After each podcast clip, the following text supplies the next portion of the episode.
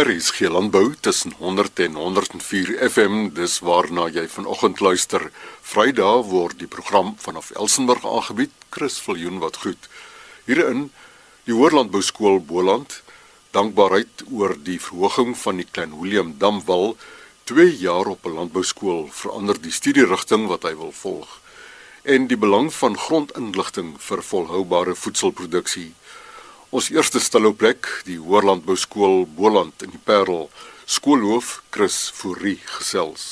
Met die jaar wat in einde spoed en almal wat alles wil afhandel voor die groot dae kom, besef ons almal wat by die landbou betrokke is, dat jy nooit klaar maak en die plaas kan toesluit nie. Om betrokke te wees by die landbou is in talle opsigte 'n oneindige voorreg wat nie almal beskore is nie. Ja, die dinge gebeur in siklusse en ons betrokke by landbouonderwys het 'n verantwoordelikheid om dit aan ons leerlinge verstaanbaar te maak. Sopas is ons skape geskeur deur 'n besoekende skeerspan. En watter voorreg is dit nie vir 'n kind om die harde werk en opwinding in die skeerhok te ervaar nie. Maar dit is nie die einde nie. Die wol is nutteloos totdat dit geklas en gebaal is en gereed is vir versending en verkoop. So kry ons leerlinge dan blootstelling aan die klas van wol en kan met sy oupa saamgesels oor hoe mens die broeke en rug van 'n vag uithaal. Ewe skielik kry mikron betekenis en begin die manne die klas van hulle pa se skape se wol vergelyk. Nooit kan almal gelyk in die skeerhok wees nie en as die ander helfte betrokke by 'n beesbeoordelingskursus om te hoor hoe die manne liries kan raak oor die bou van 'n Brahman koei bly 'n belewenis.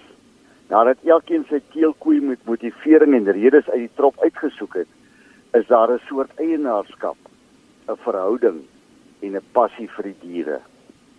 Ons leerlinge was die afgelope tyd bevoorreg om drie uitstaande landbou-ekspos by te woon. Swartland skou, Nampo Kaap as ook die Livestock Expo. Om skouers te kan skuur met die huidige geslag landbouers en saam te wens om 'n sekere implement te kan besit dra by tot die voorbereiding van ons opkomende geslag. Die platsnyers en balers loop op ons lande om hooi te maak van die hawe en sodoende voorsiening te maak vir wanneer die natuurlike weiding minder raak. Dit is met groot opwinding dat die manne vra wanneer die koring gestroop word. Want dit, wat is nou lekkerder as om in die warm somertyd in die ligverkoelde kajuit van 'n stroper te sit en te sien hoe die koring gesny en ingesluk word deur die bek van die stroper. Dit is 'n voorreg om by die landbou betrokke te wees. Meer nog om by landbouonderrig betrokke te wees. Ek sê graag dankie vir soveel maatskappye wat deel vorm van hierdie taak deur hulle fondse en kennis te deel en sodoende 'n nuwe geslag landbouers vir 'n nuwe generasie voor te berei. Ek het baie moed vir landbou in ons land en daarom baie moed vir ons land skoolhoof van Hoërlandbou skool Boland, Chris Fourie. Die skool se telefoonnommer 021 8698143. Werk aan die verhoging van die Klein Willem Dam met ervat. En die betekenis daarvan vir boere stroom af sal net die tyd kan leer. Ons gesels met die president van Agri Weskaap, Cornie Swart. Na baie jare van ondernemings deur die regering dat die bou van die Klein Willem Dam verhoog gaan word gaan bouwerk glo nou uiteindelik nog in Oktober maand begin. As die projek by die departement van water en sanitasie geregistreer is en as tenders uitgestuur is sodat die bouwerk aan die gang kan kom, kan die landbou in die provinsie uitsien na groot en betekenisvolle ontwikkeling in die gebied, maar ook stabiliteit. Daar is al in 2012 se staatsrede verwys na die verhoging van die dambou. Intussen is boorde en grond al onteien Die N7 is verlê. 'n Klomp ingenieurs is aangestel en met volle pakkette betaal, maar daar was nooit werklik 'n projek wat aan die gang gekom het nie. Vir Agri Weskaap sal dit regtig 'n groot geleentheid wees as hulle nou kan begin bou. Die agtergrond is dat produsente in die gebied die afgelope seisoen slegs 20% van hulle besproeiingswater gekry het. Met die drastiese waterbeperkings moes hulle kies watter gewasse water kon kry en watter kry niks water nie. En as jy daai streek nou goed ken, dan besef jy As jy nie kan water toedien nie, dan het jy geen kans om daar te boer op 'n besproeiingsbasis nie. Dan wal gaan met 13 meter verhoog word. Dit beteken die huidige 122 miljoen kubieke meter water gaan na ongeveer 250 miljoen kubieke meter water verdubbel. Vir die omliggende munisipaliteite wat die afgelope paar jare droogte moes hanteer, is dit natuurlik wonderlike nuus. Maar dit gaan ook sekuriteit bied vir die bestaande landboustelsels. Dit beteken ook dat die ongeveer 5000 hektaar grond wat tussen die Bulshoekdam en die Klein Willem Dam wat geboer kan word, maar wat nie waterkwotas het nie, nou met hoë waarde uitvoergewasse soos sitrus en tafel en selfs ook wyndruiwe ontwikkel kan word. Dit skep ook die geleentheid vir hervormingsprojekte en vir die vestiging van nuwe boere. Die gebied is 'n groot sitrusproduserende streek. Die klimaat is fantasties daarvoor. Maar water was altyd die vraagstuk.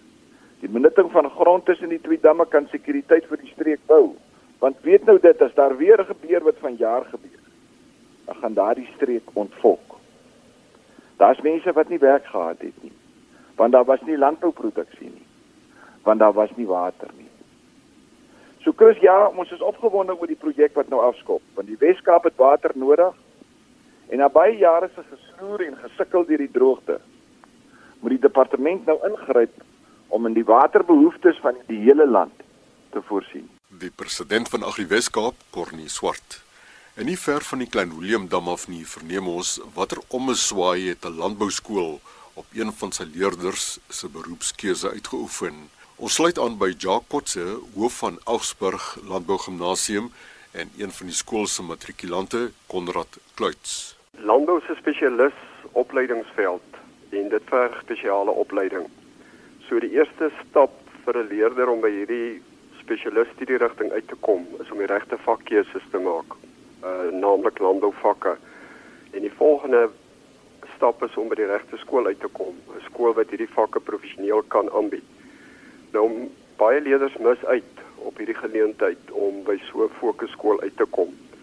Die redes mag wissel van onkunde na wanpersepsies of 'n gebrek aan blootstelling, maar uh die landbouskole lyk nie altyd na die populêre studierigting nie. Nou ons het 'n matrikulant hier by ons, Konrad Kluits. Hy het amper op so 'n geleentheid uitgemis hy wil graag sy storie vertel. Hy het heeltemal 'n ander studie rigting oorweeg en hy het by ons beland en nou sit hy ten volle in die landbou. So ek stel graag vir Konrad in die woord. So twee jaar terug het ek by Asburg aangekom waar ek glad nie in landbou wou studeer nie. Ek het ek was van plan om in 'n uitrigting in te gaan en alhoewel die skool RTT gehad het, wou ek spesialiseer in IT. En binne 2 jaar het ek 5 gesogte kursusse voltooi wat wat nogals redelik in die landbou in is. En dit het vir my die vak lewendig gemaak en ek het 'n groot liefde vir landbou oor die algemeen ontwikkel.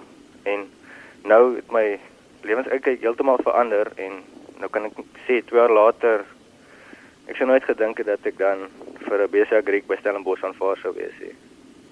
Oom, ek is van plan om grond- en plantkunde te gaan studeer want ja, ek ek vat dit is een van die groot bedrywe of in in landbou wat ek ook nog baie van hou. Elsburg Landbou Gimnasium skoolhoof Jacques Kotse en een van sy matrikulante Konrad Kluits. Die skool se telefoonnommer 027 482 2120. Die belang van grondinligting vir volhoubare voedselproduksie vanaf LNR Grond, Klimaat en Water in Pretoria, selfs Dr. Carrie Patterson navorsingsspan bestuurder grondkunde.